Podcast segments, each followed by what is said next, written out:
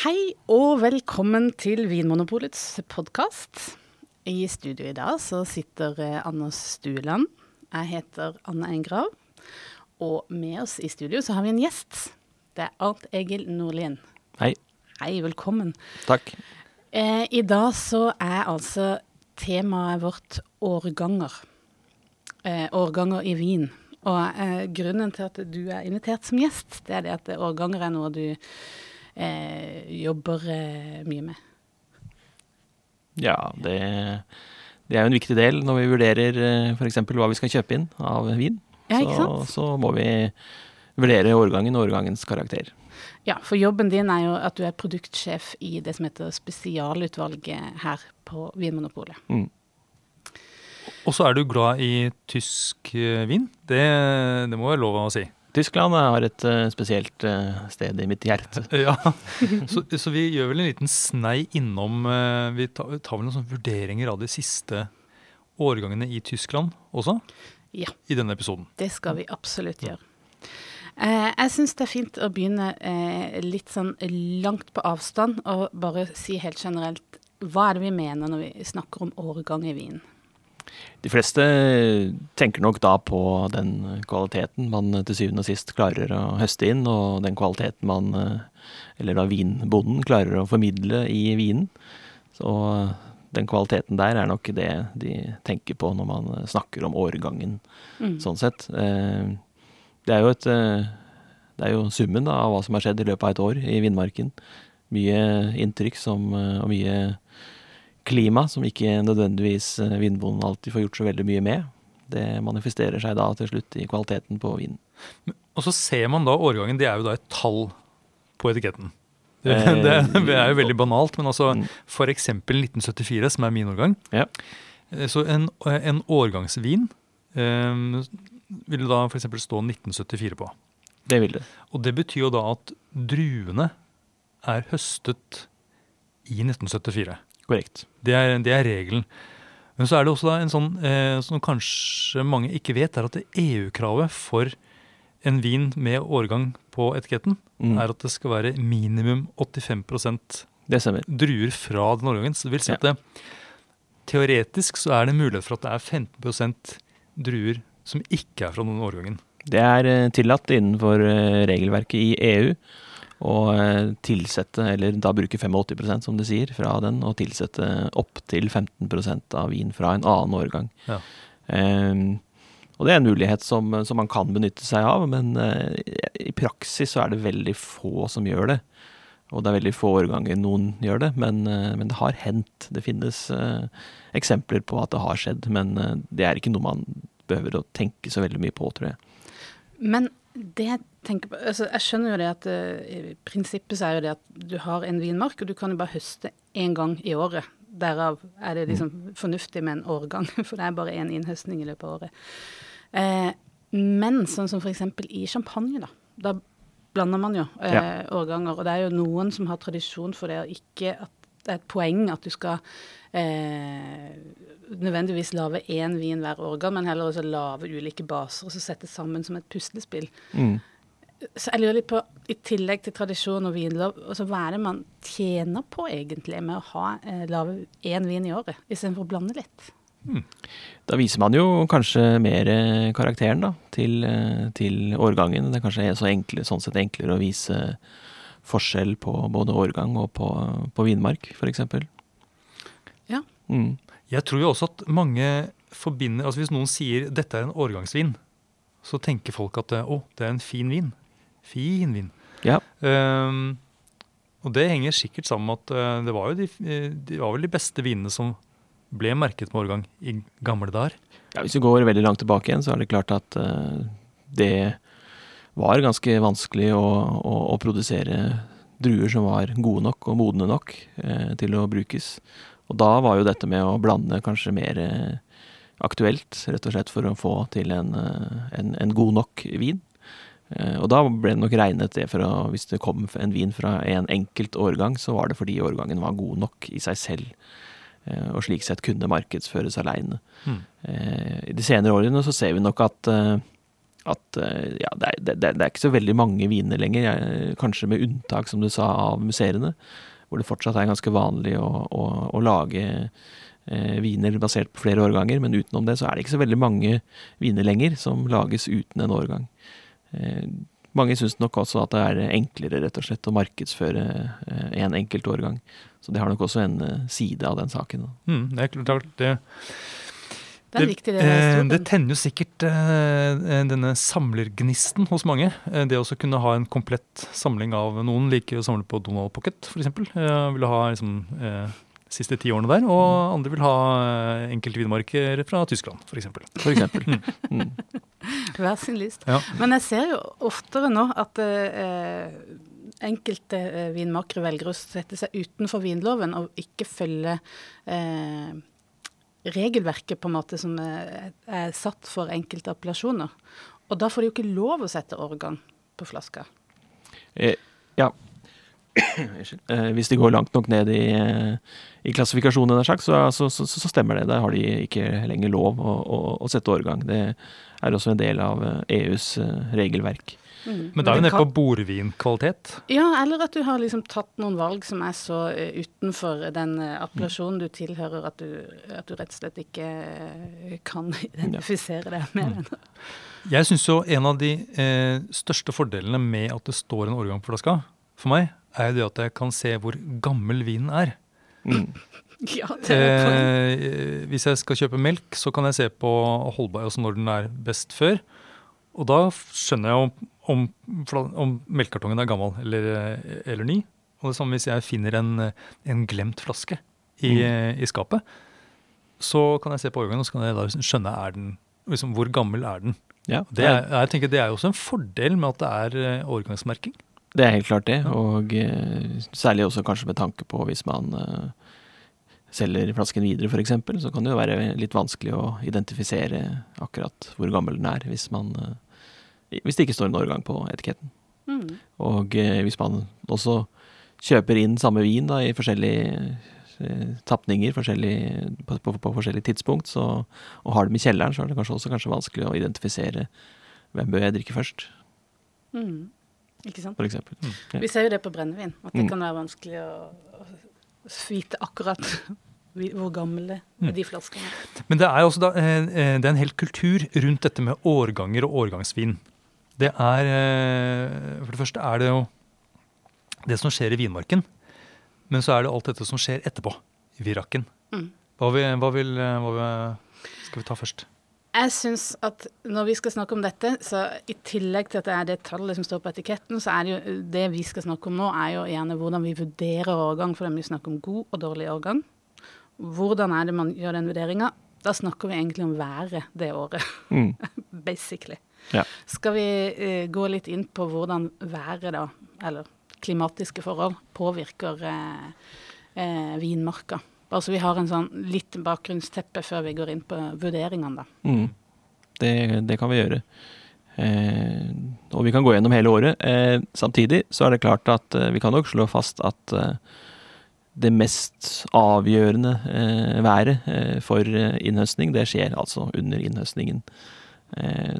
Da kan hele året nesten ødelegges, eller det kan snus til å, å bli veldig bra. Eh, så, så, det været som skjer eh, ja, i Tyskland, da, særlig fra slutten av august og eh, til ut oktober, er, er, er veldig avgjørende. Og slik er det i alle vinregioner.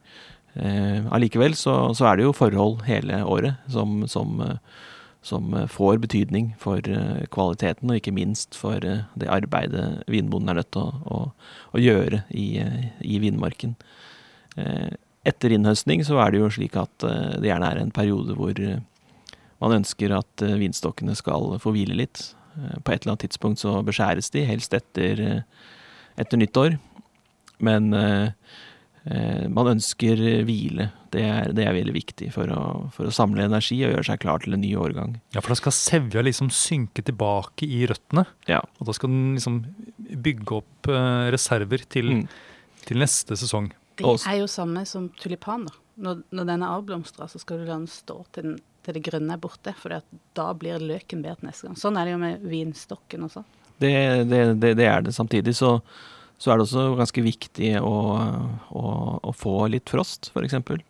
Eh, det ser alle på som en veldig veldig stor fordel, fordi hvis man får en del dager med en del eh, frost, så, så vil det ta og drepe mye skadedyr og, og insekter og, og, bakterier som Hvis man ikke får denne frosten, så, så, så, er det utfordringer man er nødt til å streve med i hele vekstsesongen. Ja. Det er litt som uh, vinterrengjøringa i vinmarka. Mm. Du blir kvitt alt ja. raske. Mm. Og også en ting som er ganske viktig, eh, kan variere litt fra region til region, men det er også å, å få litt nedbør, få litt regn. Eh, eventuelt snø som smelter, slik at eh, vannmagasinene fylles opp.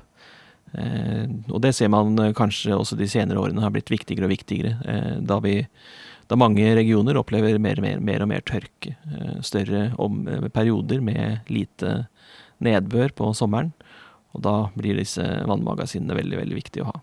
Ja, for det har vært en sånn eh, faktor som har kommet inn litt sånn, eh, som du sier, i seinere tid, når det er tørre årganger. Så blir det alltid hekta på en sånn Men heldigvis så har vi mm. fulle magasiner. Spesielt ja. i Bordeaux har jeg sett at det har blitt eh, snakka mye. Ja, Bordeaux har det alltid vært eh, viktig. Det har kanskje vært den regionen som har vært veldig opptatt av disse vannmagasinene egentlig i ganske mange tiår. Eh, og eh, det er jo en region hvor det tidvis er veldig mye grus, og det er ganske Hvis det regner på sommerstid, så, så kan det godt hende at det regnet stort sett, og det vannet stort sett eh, går rett igjennom, og egentlig ikke får så veldig stor effekt. Og Derfor så er det ganske viktig, særlig viktig kanskje i Bordeaux, å ha, ha et høyt grunnvann som, mm. som plantene kan benytte seg av eh, gjennom eh, en varm sommer. Mm. I Tyskland der er det jo, eh, i hvert fall de beste vinmarkene de står gjerne i litt sånne bratte, steinete skråninger. Riktig. Eh, det regnet som faller der, det blir, altså det, det blir ikke liggende i noe særlig grad i, i jorda. Det, det, det, varierer ganske mye, ja. egentlig. Eh, det fins eh, vinmark som har tilgang til underjordiske kilder. Eh, og det finnes de som har mindre tilgang til det. Så det kan variere ganske mye fra vinmark til vinmark. Og det er ikke alltid sånn som er lett å se sånn fra oversiden, egentlig. Nei, kanskje sånn som eh, hvis i litt sånn tørre perioder så kan man se litt om eh, litt på, på fargen på bladene og sånt noe. Det er noe det, det, det, kan man nok. Mm. Eh, samtidig er det også slik at eh, det er jo gjerne de plantene som ligger litt sånn midslope, som, som ofte får det både litt varmest og, og tørrest. Og der vil man kanskje ofte kunne se at, at, at det kan bli mangel på, på, på mm. vannet. Ja. Men da er, vi jo, da er vi jo på sommeren. Ja. Da er vi på sommerstid, ja. ja. for, det, sånn, eh, for, å ta det punkt for punkt. Vinter, ikke så mye å ta hensyn til. Da er det litt sånn hvile for uh, vinprodusentene. De kan konsentrere seg om året som var. Uh, men viktig med litt frost, gjerne. Mm. Det er fint for ja. uh, hygienen. Og også dette vannet, da. Ja. Men så kommer det jo første, liksom Kan jeg, bare, jeg, jeg liker jo å bade uh, hele året i sjøen. Er det sånn er det, er det, er det, Blir jeg renere av å, å vaske meg i veldig kaldt vann? Nei, det gjør jeg ikke. Nei. OK, tilbake igjen til um... um, Ja. Eh, knoppskyting, det er jo det første. Oh, da settes det i gang. Det er, det er seksuelt. Eh, ja, man, man, man, har jo da fått eh, bundet opp og, og gjort klart, og så, og så, skytes det knopper ut. Det er, det er starten. Da, da, begynner eh, vekstsesongen. Da begynner spenninga å bygge seg opp. Ja.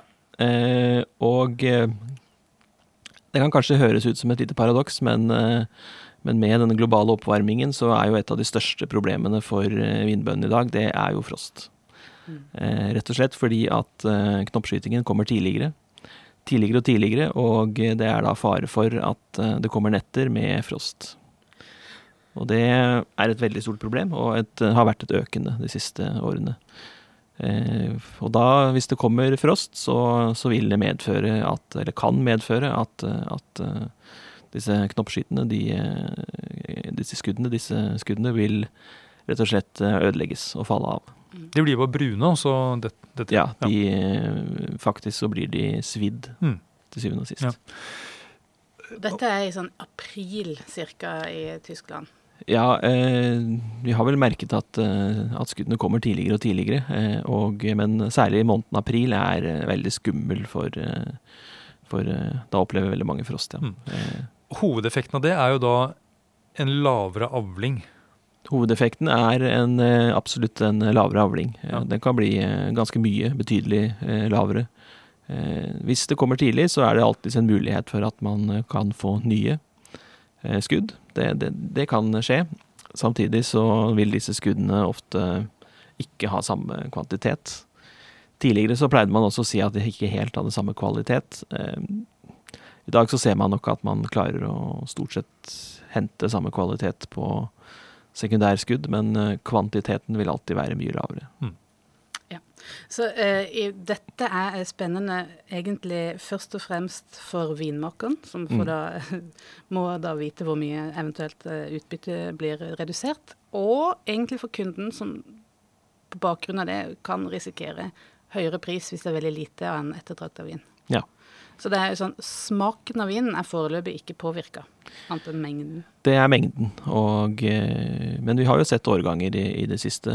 Burgund har jo ofte blitt veldig hardt eh, rammet, eh, men vi så f.eks. 2017 i Bordeaux, hvor det var enkelte slott som endte opp med å ikke produsere noen ting i det hele tatt. Ja. De mistet 100 pga. Frost. Ja, Og det, det er klart det er dramatisk. Ja. Det er det. Eh, Så det er første, første bøyg som man må gjennom, eh, og det ser heldigvis ut til å ha gått bra i år.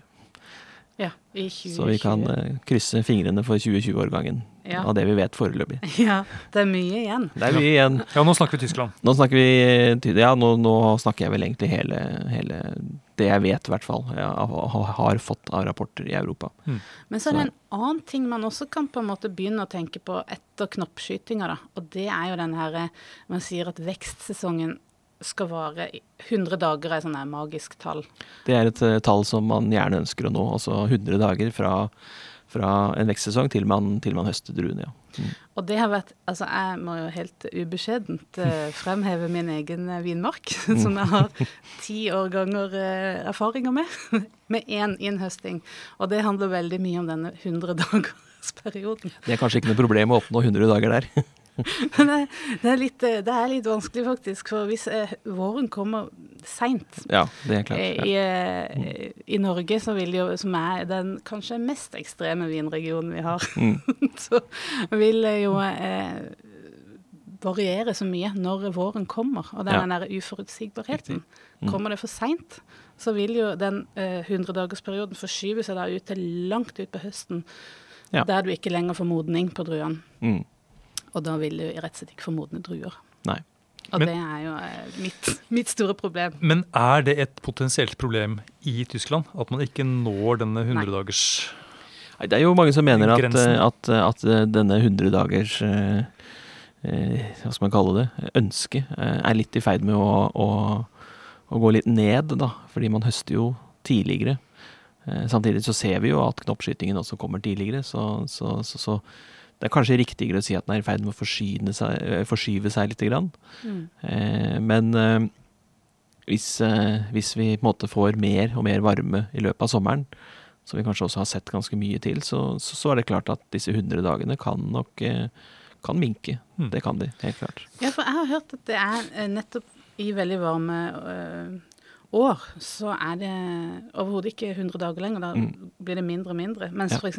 i regioner som Mosel, da, som Mm. kanskje har eh, kjøligere klima, eh, vil den 100 dagene være 120, kanskje 140 dager for Ja. å oppnå den samme sukkermodninga. Vi ser nok det at i, i kjøligere områder så er det lettere å oppnå disse 100 dagene. Eh, I varmere vekstsoner så, så er det vanskeligere. Mm.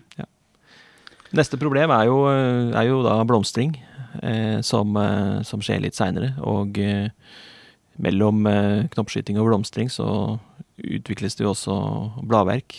Og eh, da kan man eh, få forskjellige typer meldugg. Forskjellige sopproblemer eh, som kan også angripe plantene. Og blomstringen blir heller ikke så bra hvis man får veldig store angrep. Det, det kan ofte være en veldig arbeidsintensiv periode, og det er vel også en eh, ting man har sett de siste årene, at har intensivert seg. Det har blitt mer, eh, særlig i Tyskland, eh, angrep av den type problemer på, på blad, i bladverket enn tidligere. Særlig f.eks. årgang 2016-2017 hadde veldig veldig store angrep av, av meldugg. Og det er, det, er, det er, ganske som, som, sagt, ikke minst veldig, veldig arbeidskrevende for, for, vinbonden. Særlig hvis man skal dyrke økologisk. Mm. Eh, fordi de økologiske preparatene man bruker, de blir borte hvis det regner. Og meldugg kommer gjerne hvis det regner. Så da må man ut i vinmarken på nytt og spraye på nytt hvis det har regnet. Hver dag, eh, hele tiden. Eh, og det Da blir det mye jobb. Ja. ja. Og som du sier, med den blomstringa, så er det jo akkurat som på frukttrær eller andre frukter vi mm. kjenner, mm. ja. så er det jo den som bestemmer hvor mye frukt som settes, på en måte også. Det er det. Så det er, eh, det er også ganske viktig for kvantiteten for den blomstringen som da vil komme. Hvis det er for dårlig vær, for mye nedbør og for mye meldugg, så, så det, kan det også minke kvantiteten ganske betraktelig. Og så kan det føre til eh, at fruktsettingen ikke blir så god. Eh, da er det gjerne to ting som kan skje. Det ene er jo at det blir få druer per eh, drueklasse, eller at druene blir veldig små. Og, og, og det, begge deler vil jo da gjøre at kvantiteten minker betraktelig. Mm. Men igjen så er det jo teoretisk mulig å få en god vin, bare mindre mengde vin. Igjen så går det, på, går det stort sett på mengden, ja. Mm. Absolutt. Eh, samtidig så ser vi at det, dette er problemer som eh, har vært veldig aktuelle de siste årene, og deres eh, aktualitet er dessverre økende. Dette er et økende problem, eh, rett og slett. Eh. Kanskje man kan si det at fordelen av hvis det blir få druer per drueklasse, så er det øh, minsker det sjansen for råte, fordi de henger litt sånn løsere og får litt sånn lettere opptørking. Det vil være lettere å få luft imellom, og, og kan minke råtemengdene. Hvis det er behov for det. Noen ja. år kan det være nyttig, andre år så er det ikke nødvendigvis så nyttig. Ja, Det er sant. Det kommer seinere i vekstsesongen. Eh, så sommeren er jo egentlig eh, full aktivitet for planten, da. Mm. Eh, og, og, det er jo litt å gjøre for vinbonden også, som kanskje kan være med på å styre bladverk, veksten av bladverk.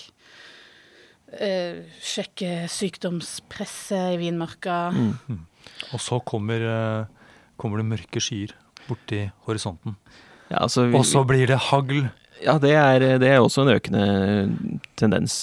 Både altså Hvis vi tar hele sommeren under ett, så, så, ser vi jo en litt økende tendens til å være mer varme.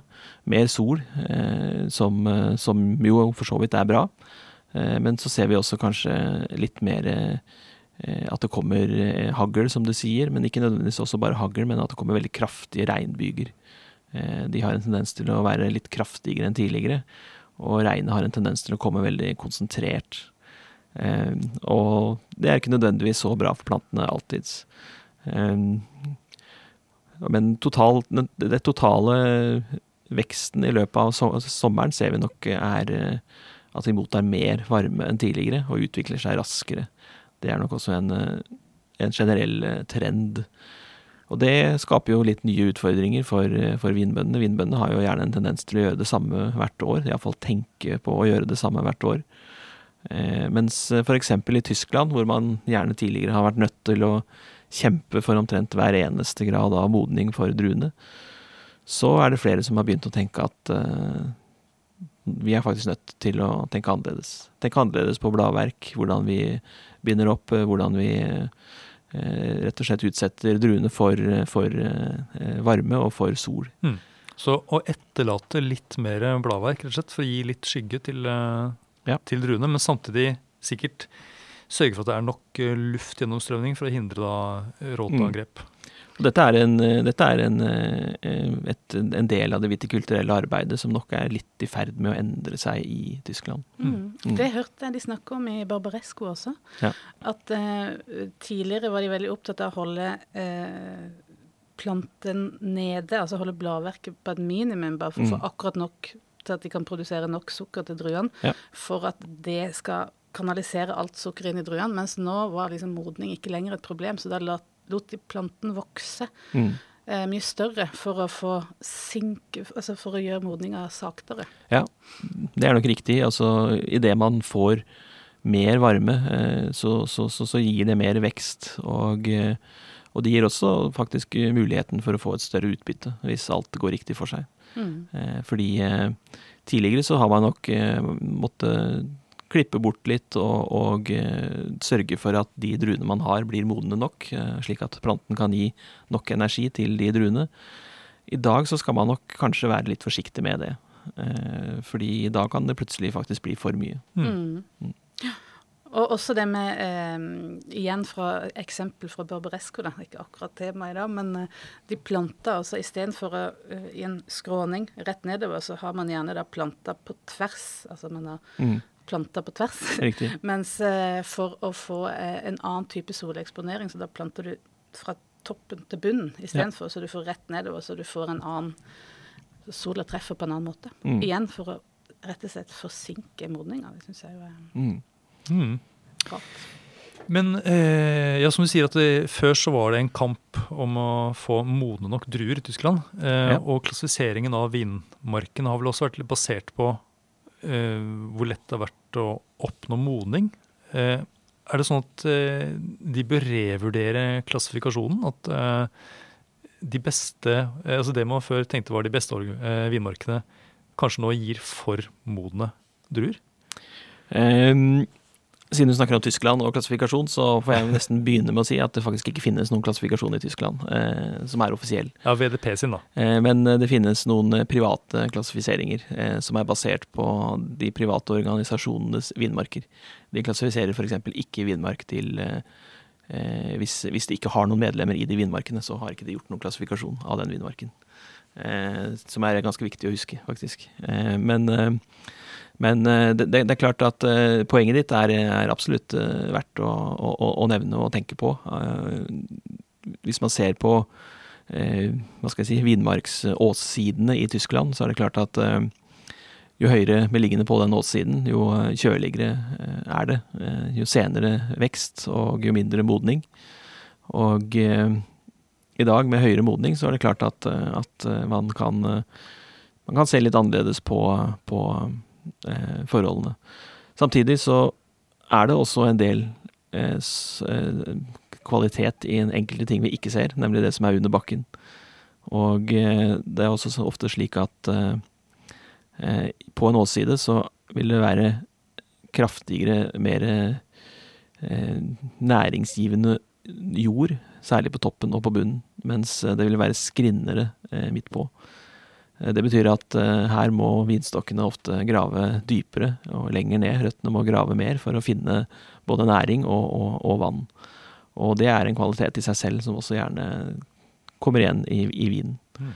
Eh, men jeg ser nok eh, en tendens til at eh, kanskje mye vinmark som ligger litt høyere beliggende, er mer interessant nå enn tidligere. Det, det gjør man. Samtidig, den beste kvaliteten finner du fortsatt der du fant den før. Ja, og det er vel det gjerne Altså, produsenten eller vinbonden legger jo også mest innsats ned i disse vinmarkene, regner jeg med. Det er jo der man får også den høyeste prisen for, eh, for vinen. Det, det kan nok Ja. også være, være en sammenheng, Ja. det, selvfølgelig. Eh, eh, Men det er spennet mellom altså, den nest beste eh, eh, vinmarken og de beste vinmarkene. Altså, er det Har det eh, gapet kvalitetsmessig blitt mindre? Med generelt varmere år, lettere å få modning? eh, Noen år er sånn, absolutt. Eh, andre år er kanskje litt motsatt igjen. Eh, så, så da må du nesten inn på hver enkelt årgangs eh, kvalitet, rett og slett. Men, eh, men det er klart at eh, hvis du på en måte tenker deg en sånn perfekt modning et sted, så kan det godt hende at den treffer et sted en, et år, og et annet sted neste år, f.eks. Ja, og det er jo et poeng det du sier, at dette her er handler jo også om eh, hvor eh, vinmakerens eh, Hva skal man si attention Jeg klarte ikke å finne et norsk ord. Oppmerksomhet? Oppmerksomhet Ja. blir lagt. Eh, for har du en, en årgang som er vanskelig, der det må mye arbeidsinnsats til, så, så må man jo prioritere. Da vil det jo bli nødvendigvis de beste vinmarkene som, som blir prioritert. Det er jo en slags logikk. Ja, det, kan, det er nok enkelte som tenker sånn, men eh, det er nok mange som også ikke tenker sånn. Altså, jeg syns nok eh, Hvis man ser på profesjonaliteten til, eh, til vinbøndene i dag, så, så syns jeg nok den har utviklet seg ganske mye de siste de siste 10-20-30 årene.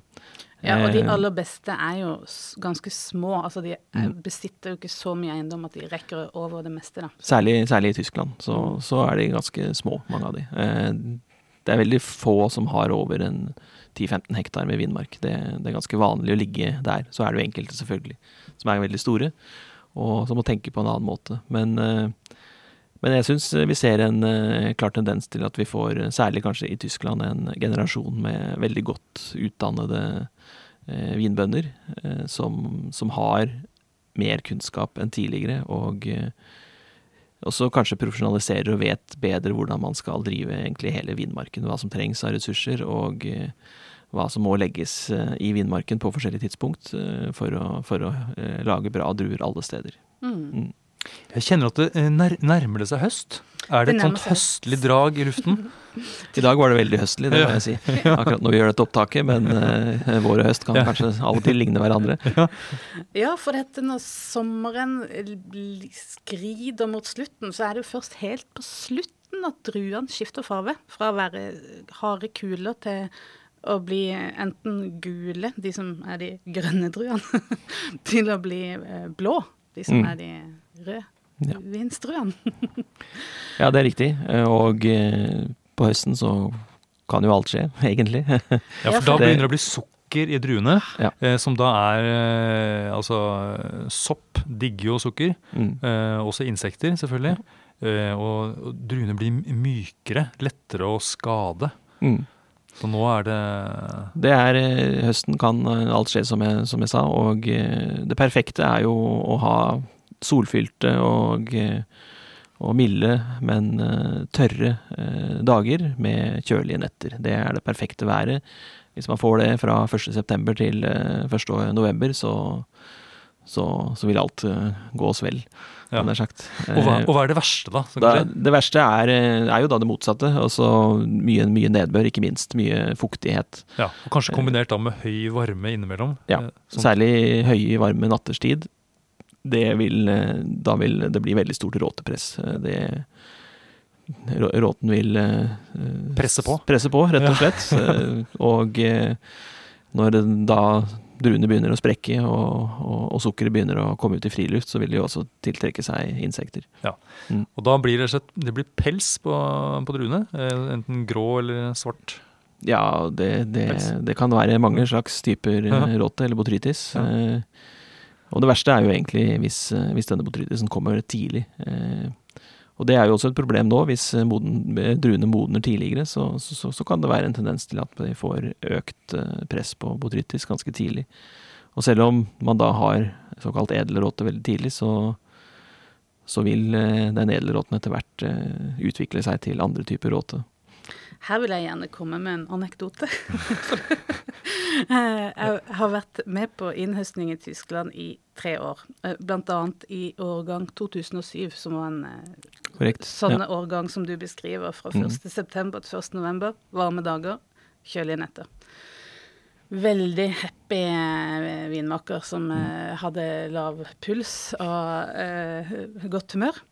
Eh, Det var en fryd å være med på for eh, oss som var ansatte. Eh, men det som slo meg, som jeg ikke visste før jeg dro ned dit da, var det at det er jo ikke bare under innhøstninga man drar ut og plukker disse druene. Så for å forhindre den råten som også kan komme under varme Mm. dager, så ble vi sendt ut i vinmarka hver eneste dag og klippe vekk alt Ja. som var råte. Og det er viktig. Også når det hang på eh, busken. Mm. Og da kunne man ta bare rett og slett halve klasa og ble instruert i hvordan det skulle gjøres. Man må ikke være borti med saksa da, på de som, Mm.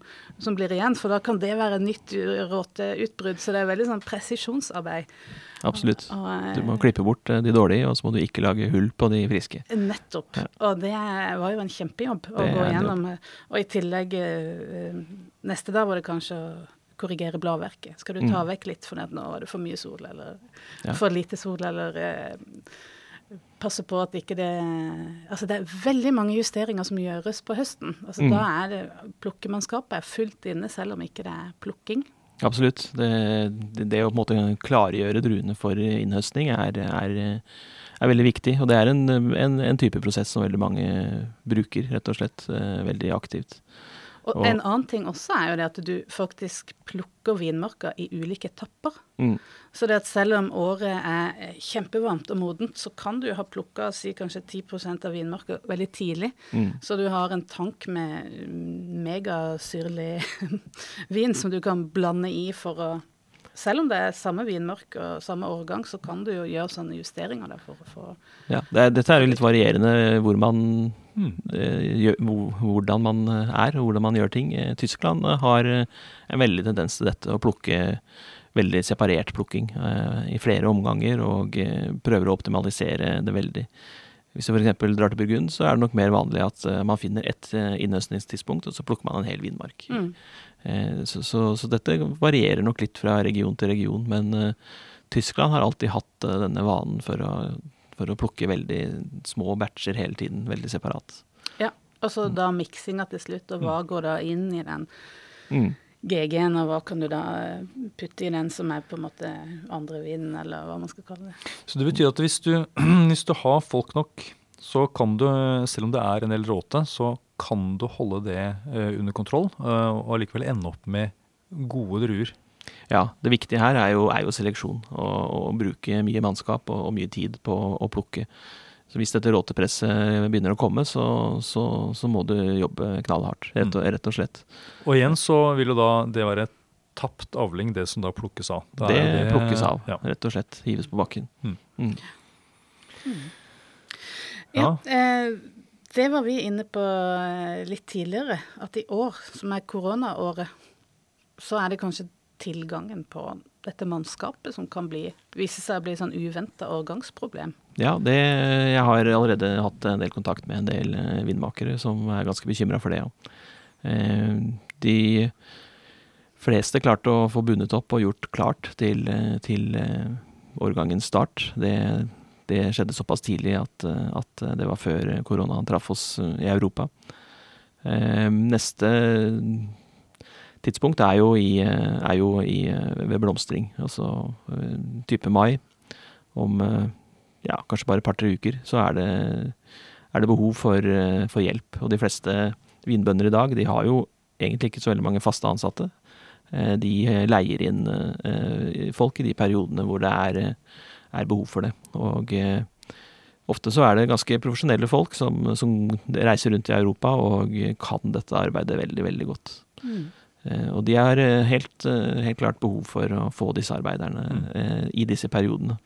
Og det neste kommer om en tre ukers tid, så får vi se om, eh, om de får lov, rett og slett, til å, til å ta det inn. Mm. Ja, for mange er jo fra andre land, f.eks. Ja. eksempel Polen eller ja, Rom Tyrkia. Romania er også Ja. et Romania er det mange, veldig mange som er veldig dyktige på dette. Har Ja. høy kunnskap om, det, om Ja. denne jobben. Jeg har jo sett det under innhøstning at selv i et normalt år hvor det er eh, sånn en normal eh, mengde eh, arbeidere tilgjengelig, så er jo det en kunst det å få denne kabalen til å gå opp med å få ut folk til riktig sted, riktig tid og sånt noe. Så, Absolutt. så jeg bare tenker det hvis det blir Hvis de er uheldige med høsten, Mm. i tillegg til at det er for lite folk, da har de virkelig en kjempeutfordring. Ja, Ja. det er klart. eh, For du har jo, årgangene er jo også det er litt forskjellig. Du har jo årganger som eh, eh, Anne nevnte 2007, som, som var en årgang hvor du faktisk kunne plukke litt, eh, daffe litt rundt og ta litt hverdag og gjøre litt sånn. Og så har du andre årganger Lang som eh, lang lunsj, som 2013 og 2014, hvor du omtrent må bare piske hver eneste sjel ut i vindmarken og få inn så mye som mulig på, på så, så, så kort tid som mulig. Mm. Ellers, så, eller så går det rett og slett tapt. Ja. Så, så, Fordi når, når druene er eh, Produsenten eller bonden går rundt og måler eh, både sukkernivå, men smaker også på druene.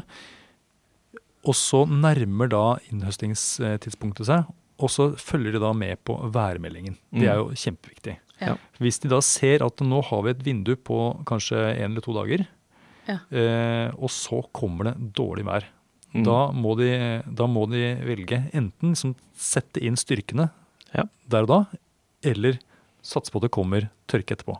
Ja, da må de enten eh, rett og slett eh, finne ut at eh, disse druene er modne nok, vi høster de.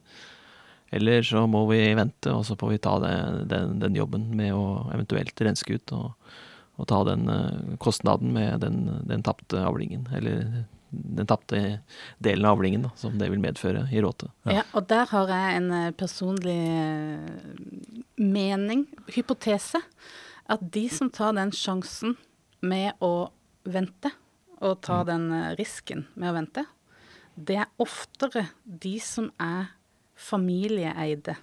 Det er de som eier og har eh, liksom familien sin eh, rykte og kvalitet å sette på spill.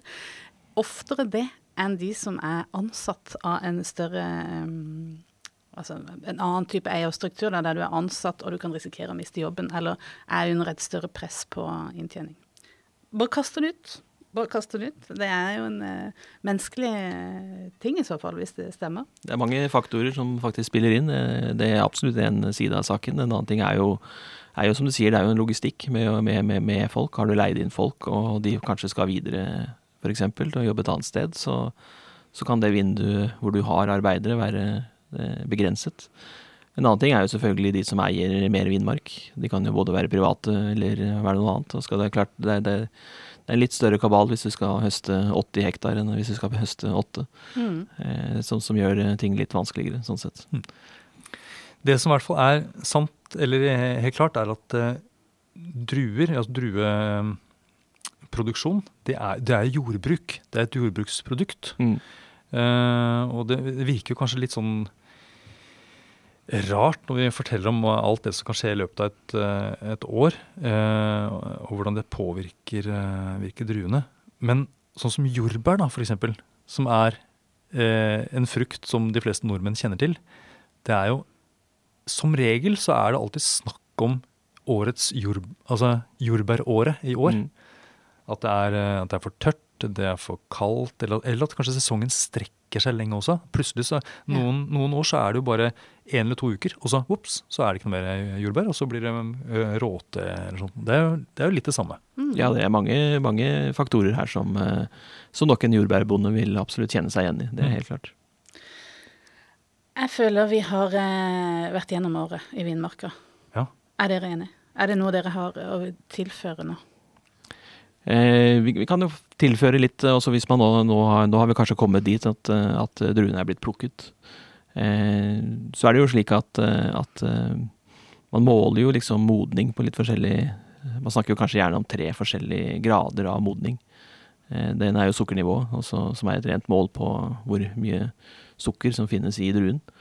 Det andre er, er aromatisk modning, som handler mer om hvordan aromaene rett og slett i druene eh, smaker. Og det er eh, ikke en tabell man kan måle det på, det er Nei. menneskelig Det er, oppfattelse. Mm. Det er mer hvordan vi oppfatter det. Og så er det det man også gjerne kaller fysiologisk eh, modning. Det er hvordan eh, tørrbitterstoffene, eh, særlig tanninene, i druene utvikler seg. Eh, det som er verdt å merke seg, er at disse tre kurvene med modning, de er ikke lineære. Og de påvirkes av eh, klimatiske forhold. Eh, I de siste årene så ser vi nok en tendens til at eh, med den varmen som har kommet, så ser vi en tendens til at eh, sukkermodningen ofte går fortere enn de to andre kurvene for modning. Det betyr at om du skal høste druer med samme aromatiske profil og, og, og samme eh, andel bit, bitterstoffer, så har du gjerne høyere sukkernivå. Mm. Og da får du naturligvis da mer alkohol. Da får du mer alkohol. Du får en, en fyldigere vin, og noen kanskje sier også en litt sånn tyngre vin. Mm. Mm.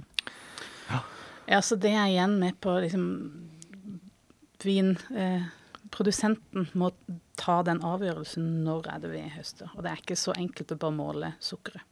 Nei, Det er flere ting som man må ta med inn i den avgjørelsen. det er det absolutt. Og samtidig så ser jeg også at uh, særlig kanskje den nye generasjonen gjør noen litt nye valg uh, i forhold til hvordan man høster. Uh, tidligere så hadde man ofte en tendens til å la ting henge så lenge det var bra vær. Så lenge man ikke fryktet at, at det skulle gå tapt, så hadde man en tendens- til å la druene henge så lenge som mulig. I dag er det nok mer vanlig for en ny generasjon å være mer opptatt av eh, det korrekte innhøstnings, innhøstningstidspunktet. Når man ser at eh, disse målene når et punkt her, så høster man, selv om været er bra. Mm.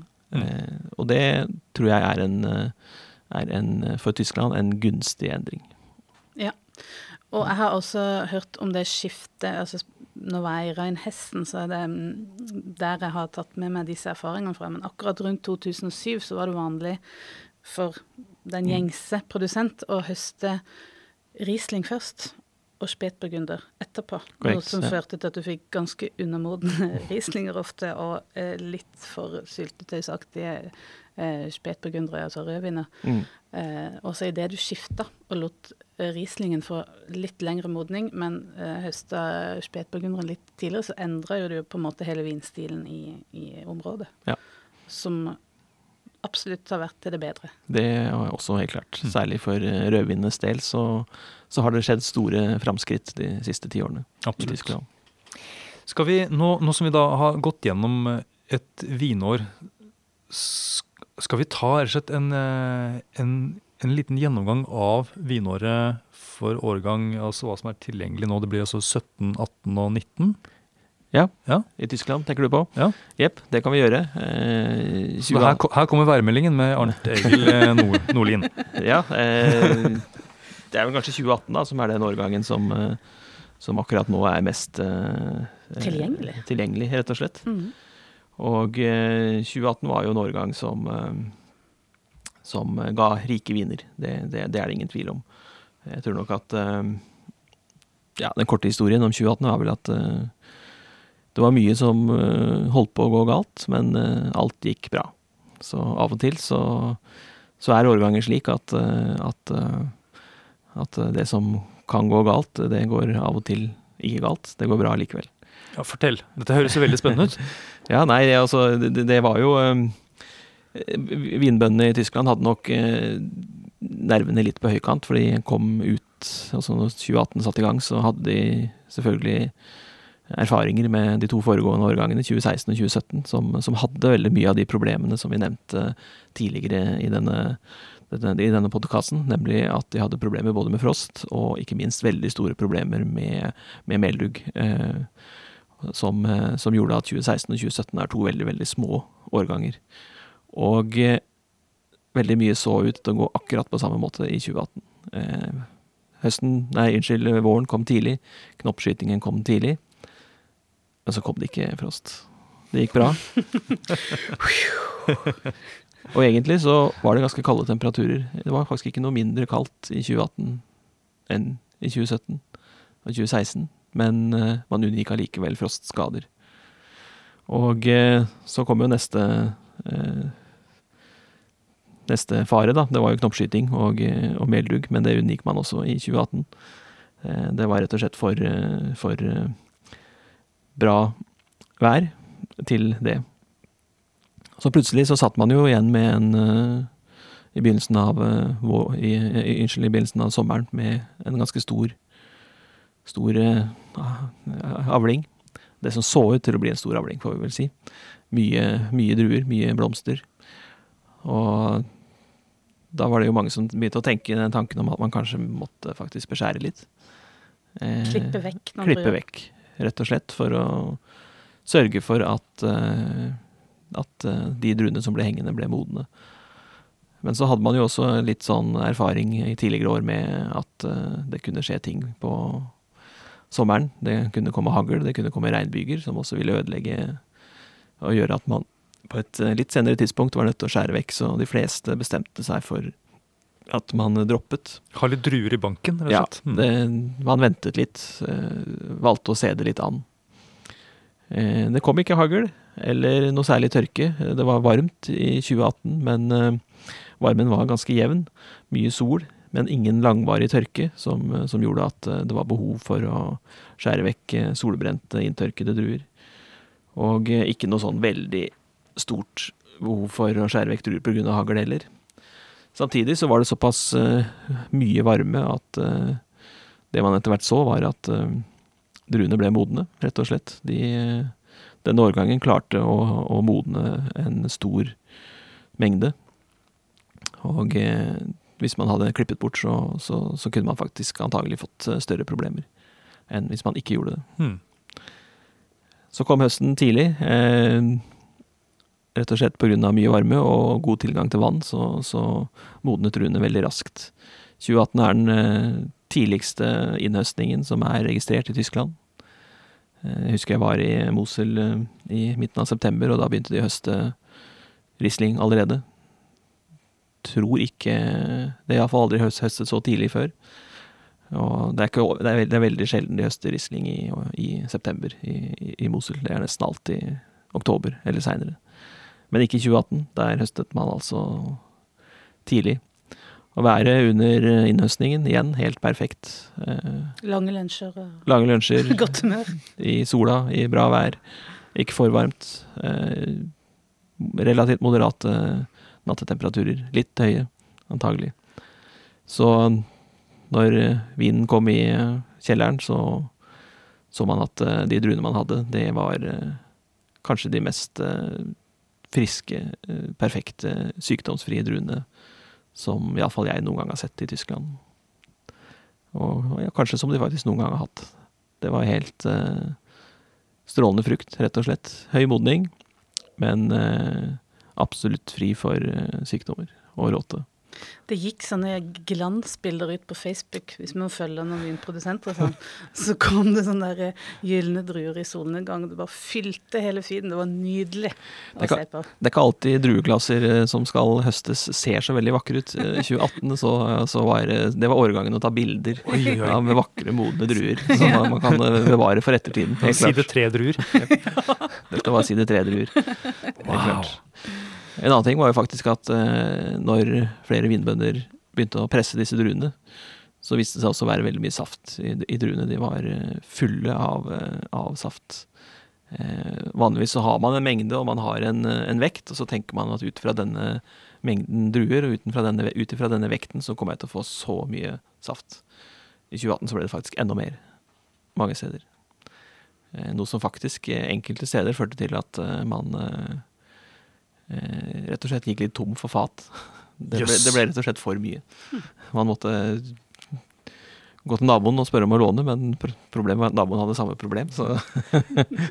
det må jo være det man kaller på tysk et luksusproblem? Absolutt, luksusproblem, men eh, det skjedde altså i, i 2018. Mm.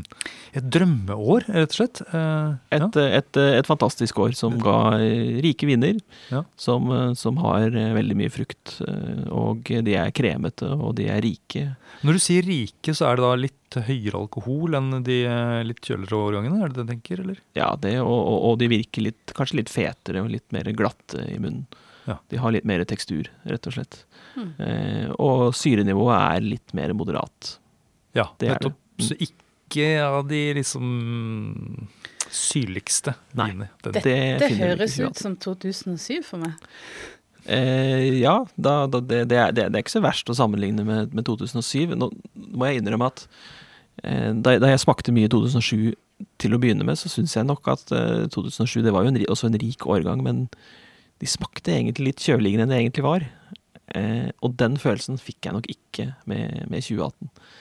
Eh, faktisk har vel de sånn sett utviklet seg litt eh, i motsatt retning. Nå er ikke akkurat 2018 så veldig gammel ennå, men 2007 var jo en årgang som, eh, som jeg syns var veldig, veldig lovende. Eh, I ettertid så har de kanskje utviklet seg litt i alle retninger. Eh, noen er nok litt for varme og har modnet ganske tidlig, mens enkelte andre er veldig strålende viner. 2018 var veldig fruktig og veldig, veldig flott frukt å begynne med. Kanskje litt i rikeste laget. Men og det syns jeg ofte jeg ser i den type årganger som 2018 er. Med litt grann tid så har de en tendens til å roe seg litt. Eh, den veldig liksom nesten sånn hyperfruktigheten eh, forsvinner lite grann. Og eh, særlig nå syns jeg 2018 er mer balansert og, mm. og, og er en veldig jeg, jeg liker altså 2018 veldig godt, helt klart. Hadde 15 også en litt sånn, litt sånn pågående frukt når den ble sluppet? Det, ja, 2018, nei, 2015 er også litt i den uh, retningen. 2015 hadde nok en vesentlig høyere syrlighet enn en 2018. Det er ganske stor friskhet egentlig i 2015. Eh, som man kanskje ikke he egentlig helt merket, fordi man har merket mest den kanskje sødmefulle, veldig flotte frukten som også denne årgangen har. Hm. Mm. Det eneste ankepunktet jeg har Arne Egil, eh, med denne årgangsrapporten, ja. det er at det er, det er litt kjedelig. ja. Det er litt sånn kjedelig med en sånn um, solskinnshistorie, hvor ja. alt går på skinner. Ja. Jeg, For den, den, den typiske årgangsrapporten, den inneholder jo spenning. Mm. At det er, nesten som en sånn eh, kriminalnovelle eller en sånt um, sportsreferat fra jaktstart eller noe. Jeg, jeg husker en gang vi lagde en eh, årgangsrapport på, på Bordeaux i 2010. Det var, eh, det, var, eh, det var virkelig en krimrapport, fordi der var det på- på nære nippet hele tiden. Og, og at det skulle til, syvende og sist bli en bra, et bra år, det var, eh, det var vanskelig å faktisk se og lese seg til. Og jeg husker faktisk i ettertid at det var noen eh, vinelskere rundt omkring som etter å ha lest årgangsrapporten bestemte seg for at de skulle i hvert fall ikke kjøpe den årgangen. Det var en Eh. For de klarte ikke å skjønne at, Det gikk bra til slutt. at, eh, at ved å måte være så nære katastrofen så mange ganger, så endte det faktisk opp med å bli en fantastisk årgang. Så det er også kanskje viktig å lese årgangsrapporter på en riktig måte. Ja, Og få med seg slutten. Og få med seg slutten, ja. ja. for det som ofte står i disse årgangsrapportene, er at eh, de som hadde is i magen og ventet, de høstet flotte druer. Eller de som gjorde et ordentlig arbeid i vinmarken, de klarte allikevel å høste inn fine druer. ja. At det er, det er mye de kan gjøre underveis. Det er mye de kan gjøre underveis, og, og denne vitikulturen er, eh, er nok også noe man har blitt flinkere til å takle etter hvert. Du kan ta en årgang som 2016 for eksempel. Hvis du leser eh, 2016s eh, første halvår, så er det jo en, eh, det, er jo en, trage, det er en gresk tragedie. Eh, så, så, så har 2016 gikk, gitt helt fantastiske vinner Eh, til syvende og sist. Liten kvantitet, som vi var inne på tidligere. og så eh, de tragediene som inntraff, de eh, minimerte årgangen, men eh, kvaliteten på det som til syvende og sist har kommet i flaska, er helt fantastisk. Så det vil si at eh, det viktigste stedene å følge med på årganger er egentlig de som Altså, der årgangene er viktigst, det er de som enten ikke er så flinke, eller altså ikke topprodusenter, så er egentlig ikke årganger så eh, avgjørende, da. Um,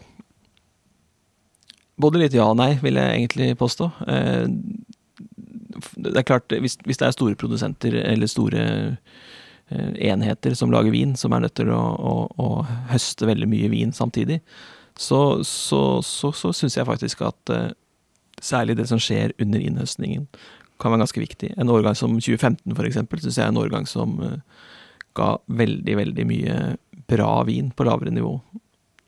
Uh, Jeg syns ikke nødvendigvis på toppnivå at 2015 er noe bedre enn 2016. Der syns jeg faktisk at kvalitativt at det er ganske likt. Mens eh, de enklere vinene i 2015 syns jeg er helt fantastiske.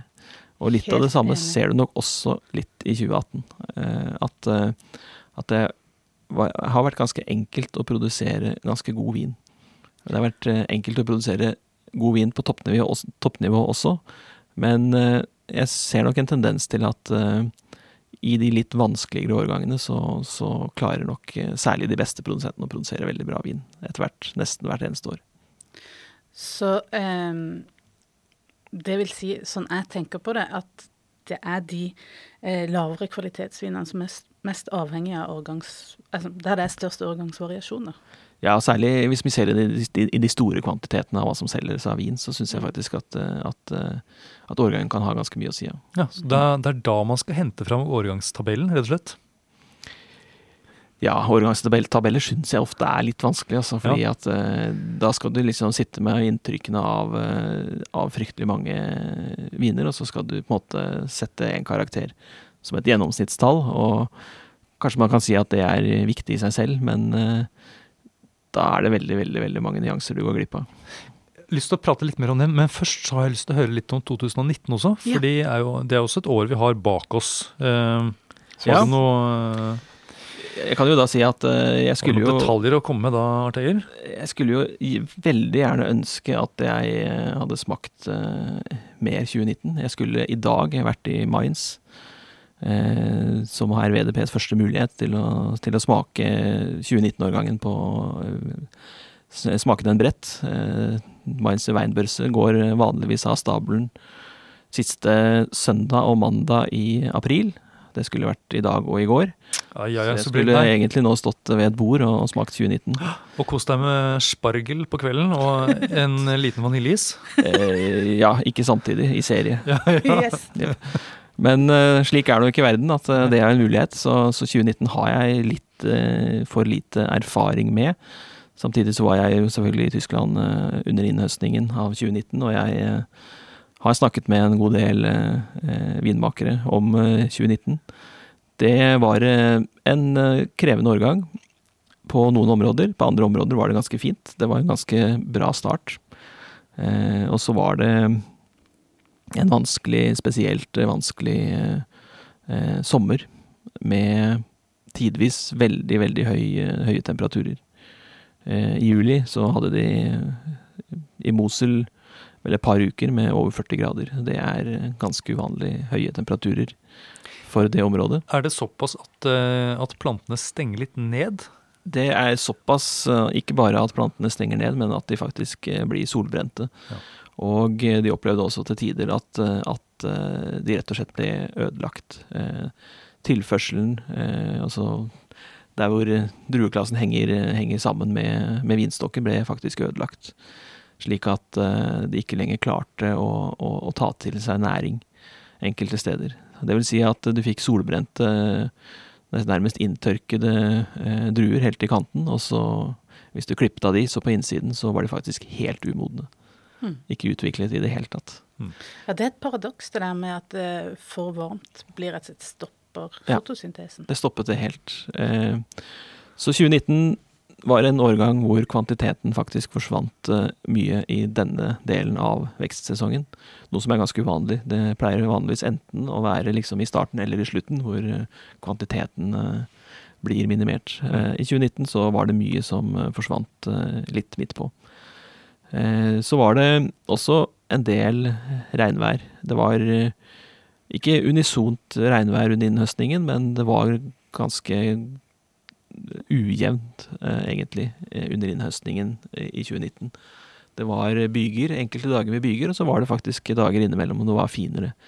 Sånn at eh, det var litt sånn av og på i forhold til hvordan man plukket. Og med de problemene jeg nevnte tidligere, så, så var det en årgang med stor, stor krav til, til å gjøre seleksjon. Um, og veldig mange vinmakere var, var ganske bekymra eh, da de begynte å høste, for helt ærlig. Eh, I ettertid så, så, ser det ut til at det har gått bedre enn de frykta. Eh, og eh, eh, mange mener nå at 2019 er i ferd med å bli en ganske fin årgang. Eh, veldig annerledes årgang enn en 2018 med en litt lettere stil og vesentlig mer livlig, høyere syrenivåer. Mer klassisk? Mer klassisk, mm. absolutt. Mm. Eh, syrenivåene gikk rett og slett ikke så eh, langt ned eh, med, med, det været som totalt sett var. Så det er absolutt håp om veldig mye god vin i, i, i, 2019. Jeg tror det kan bli en veldig flott årgang. Mm. Absolutt. Og uansett, de beste får det alltid til. Det er ofte sånn nå. Man, man merker jo at hvis du går tilbake igjen liksom 40 år i tid, så så var det jo gjerne kanskje to til tre årganger per tiår som var bra. Og så var det kanskje tre til fire som var uh, tilnærmet udrikkelig. Og så var det tre til fire som lå litt sånn midt på. Uh, vi har vel fortsatt en tre til fire som ligger litt sånn midt på hvert år, tiår fortsatt, men eh, de derre liksom helt grusomme årgangene, de tilhører faktisk litt fortiden også. Det er, mm. det er ikke ofte vi ser dem lenger. Nei, og det er, eh, det er godt nytt for oss, da. Eh, ja, de har flytta seg lenger nord. Mm. Men altså da, eh, så, så, summerer man opp, og så sier du at du sier litt om, da, om egenskapene i vinene sånn generelt. Du sa at 18 litt rikere, litt mer kremet og mm. sånn tydelig fruktighet. Ja. 19 kan kanskje bli eh, litt lettere i kroppen. Eh, litt livligere og litt ja, lettere. Høyere friskhet. Ja. Mm. Og kanskje ikke en så moden frukt, eller? Nei, litt, eh, litt mindre modning. Det er, nok, det er nok også en ganske fruktig årgang, helt ja. klart. Med mye, mye aromatikk. Og sånn, For jeg, jeg, lurer litt på hva er det vi legger i det at en årgang er god? En ting er jo det at årgangen er god for vinprodusenten. At det er enkelt å lage nok mm. uh, og sunn vin. Ja. Uh, men for oss som sitter i andre enden, da, som har vinen i glasset, mm. hva, hva, er en god årgang da? Eller hva er det vi legger i den når vi oppsummerer? Det kan nok være litt, eh, litt forskjellig. Eh, enkelte du har, du har jo f.eks. En, del en del kritikere som legger inn dette med lagringsdyktighet, f.eks. Om det er et kriterium for en årgangsvurdering. Enkelte mener det, at det er Skal det være en topp årgang, så skal det være lagringsdyktig vin. Ja, det ser jeg også flere med sånne tabeller, da, ja. som du er litt kritisk ja. til. Skriver jo det at det er en forutsetning at mm. det er lagringsdyktige viner. Og da eh, lurer jeg på litt hva, Hvordan vet man at vinen er lagringsdyktig? Hva, hvilke egenskaper er det vi ser etter da? Det er jo enkelte parametere hvis man skal på en måte begynne å hva skal si, se på det målbare parameteret i en vin. Da, så er det jo enkelte ting som, som gjør at en vin eh, holder seg, er mer, rett og slett mer holdbar enn en andre. Og det går jo litt på, på, på strukturnivå av av de egenskapene, og, eh, og også for så vidt litt konsentrasjon. Eh, konsentrasjon går jo da på at den skal ha frukt nok til å utvikle seg. Ja, Du sitter med en smak av frukt som mm. sitter ganske lenge. Ja. ja. Men det, det, er klart, det, det, det, må jo være en årgang som også har litt syrlighet, eh, har litt, har litt struktur. Ja, For det også er, er jo med på, på, å rett og slett konservere vinen. Mm. Ja, for det, er også min erfaring, nemlig at det er en høy syrlighet det er ofte en fordel med tanke på, på lagring, spesielt på, på Riesling. Mange, mange, tenker det, ja. og det kan det være grunner til å tenke. Samtidig så, så ser jeg nok også, sånn, hvis man begynner å se litt tilbake igjen på en del årganger, så, så er det en del årganger med ganske lav syrlighet som, som også har overraske. beveget seg veldig, veldig fint. Ja. Og en annen ting som jeg har tenkt på, er det med altså, hvordan frukten viser seg i, en, i den unge vinen. Hvis den frukten går mot noe litt sånn ordentlig modent, så, eh, så tenker jeg at da er den allerede liksom et skritt nærmere hva skal jeg si, graven enn den fruktigheten som er litt på den litt sånn undermodne siden. Mer sånn grønne epler. Hva, har du tenkt noe på det? Um, det kommer igjen litt an på årgangens karakter. Altså. Eh, noen eh, Slike årganger har en tendens til å gå ganske fort. Det er det rett i, særlig hvis de har eh, lite, lite struktur. Mens, eh, mens, igjen så er det enkelte årganger som har en tendens til å kunne, kunne overraske. 2009 f.eks. for eksempel er en årgang med ganske høy modning og ganske ofte litt lav syre, syrlighet. Så jeg syns er i ferd med å utvikle seg veldig pent. Så det er en X-faktor her. Det er noe man egentlig ikke vet helt sikkert. Det er mye man ikke vet før, man det har gått ganske mange år. Helt klart. Ja.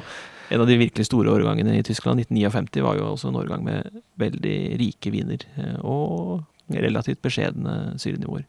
Ja. Og når jeg smaker 59, så har de fleste holdt seg veldig veldig godt. Ja, Apropos gamle årganger i Tyskland, så er det jo da en sånn såkalt eh, freak-årgang. Eh, var det 1540 1540, ja. Det. Det, det, det, er jo det er et sånt år som, som går igjen som nærmest sånn mytisk. Altså, det vil si, man vet jo egentlig en del om denne årgangen, men det var jo en, et veldig, veldig varmt år i Europa. Eh, som, som vel er beskrevet både på den ene og den andre måten. Eh, du nevnte vel noe om at eh, elvene gikk tørre i, nedover i Europa ja. dette året. Og også for Wien så var 1540 en sånn mytisk årgang som, som veldig mange mente ga noe av det beste vinen på mange århundrer. Og, og det finnes jo også eh, det, det, Jeg tror faktisk det fortsatt finnes Jeg mener det finnes et par flasker 15-40 år i, gang i Franken.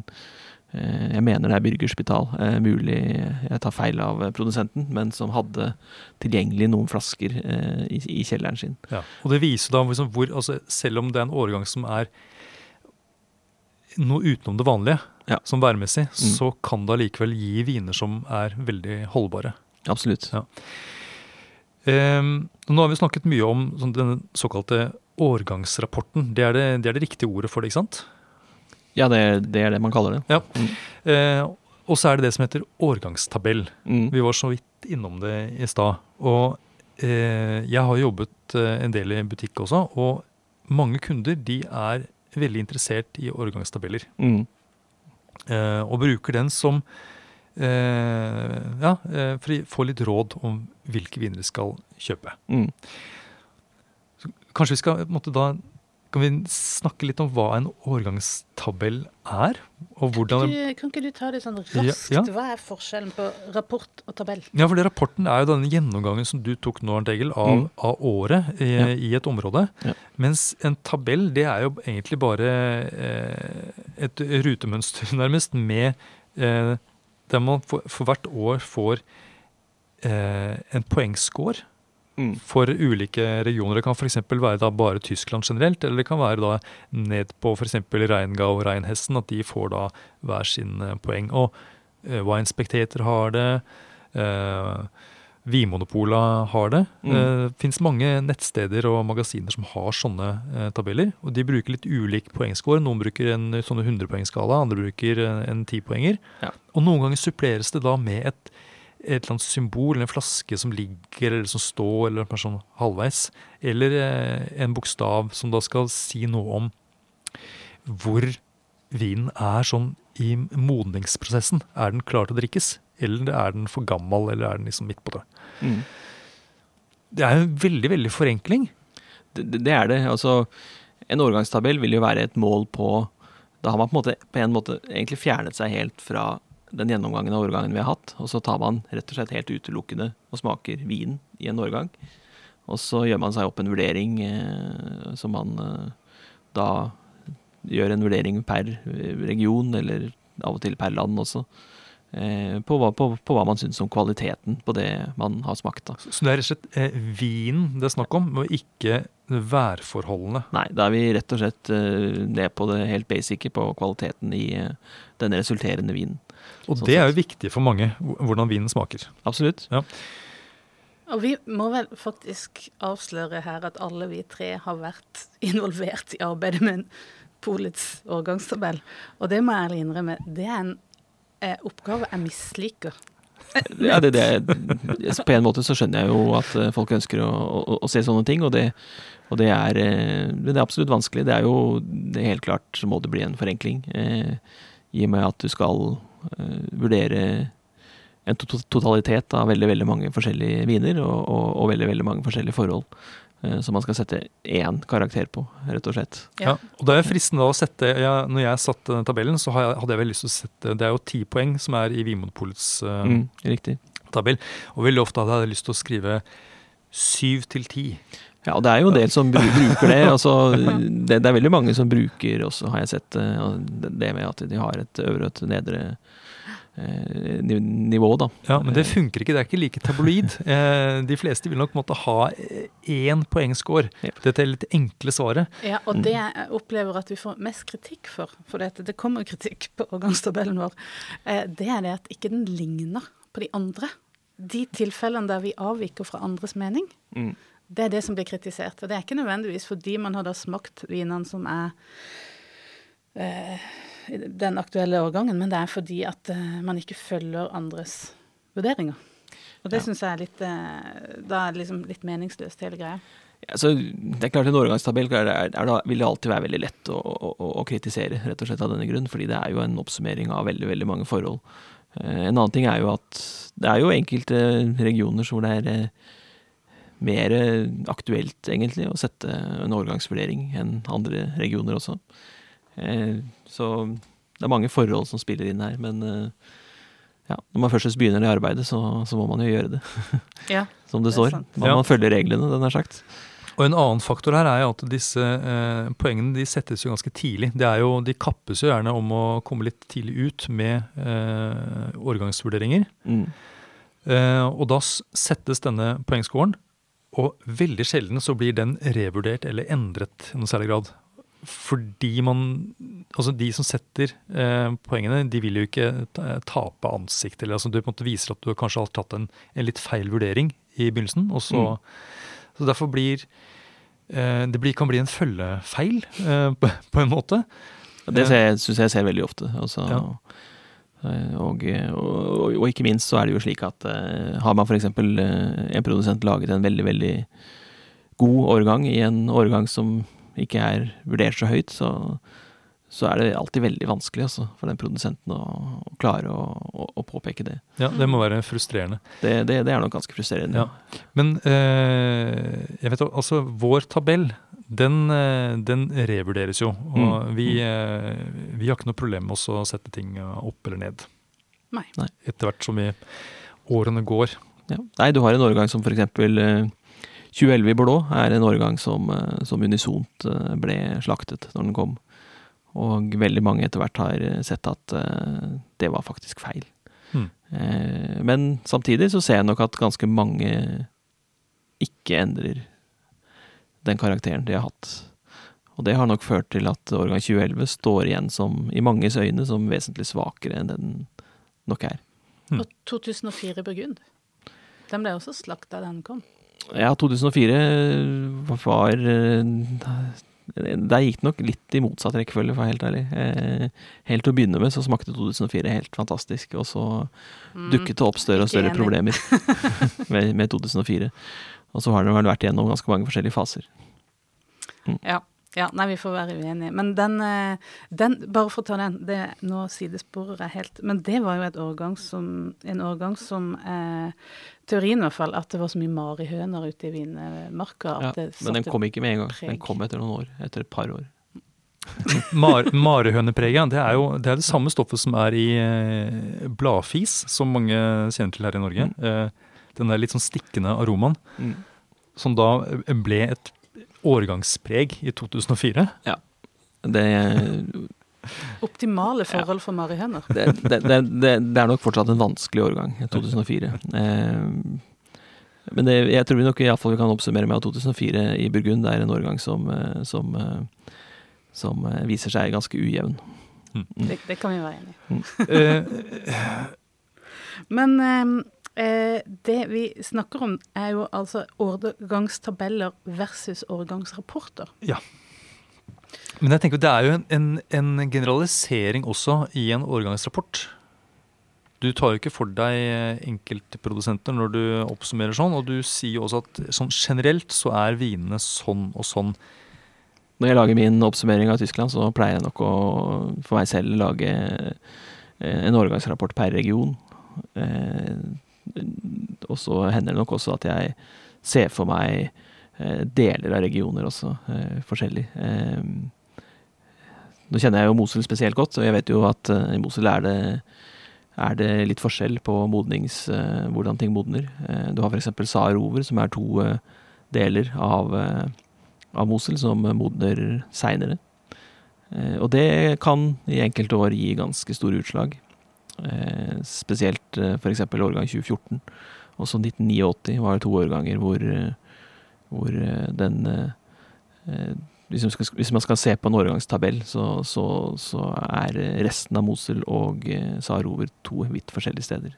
Hmm. Det, det, det går rett og slett på, på, på, på råtepresset. Når de SAR ligger tre, år, t- eh, unnskyld, tre uker etter i modning, så, så betyr det at når det råtepresset kommer i Mosul, så er eh, pH-en så lav i, eh, i SAR at, eh, at råten klarer ikke å, å bite på druene der. Nei, de går klar, ja. Ja. Mm. Og når de da modner senere, så, så slapp de unna. Det gjorde de i 89, og det gjorde de i 2014, som gjør at det er to veldig veldig gode årganger for f.eks. SAR. Og litt vanskelige årganger ellers i Mosul. Det er veldig veldig spennende med årganger. Og det som er så deilig med det, er jo det at det er noe, det er noe håndfast også. Eh, fordi altså, nedbør, hagl og alle disse tingene, det er jo veldig konkret, og det er målbart.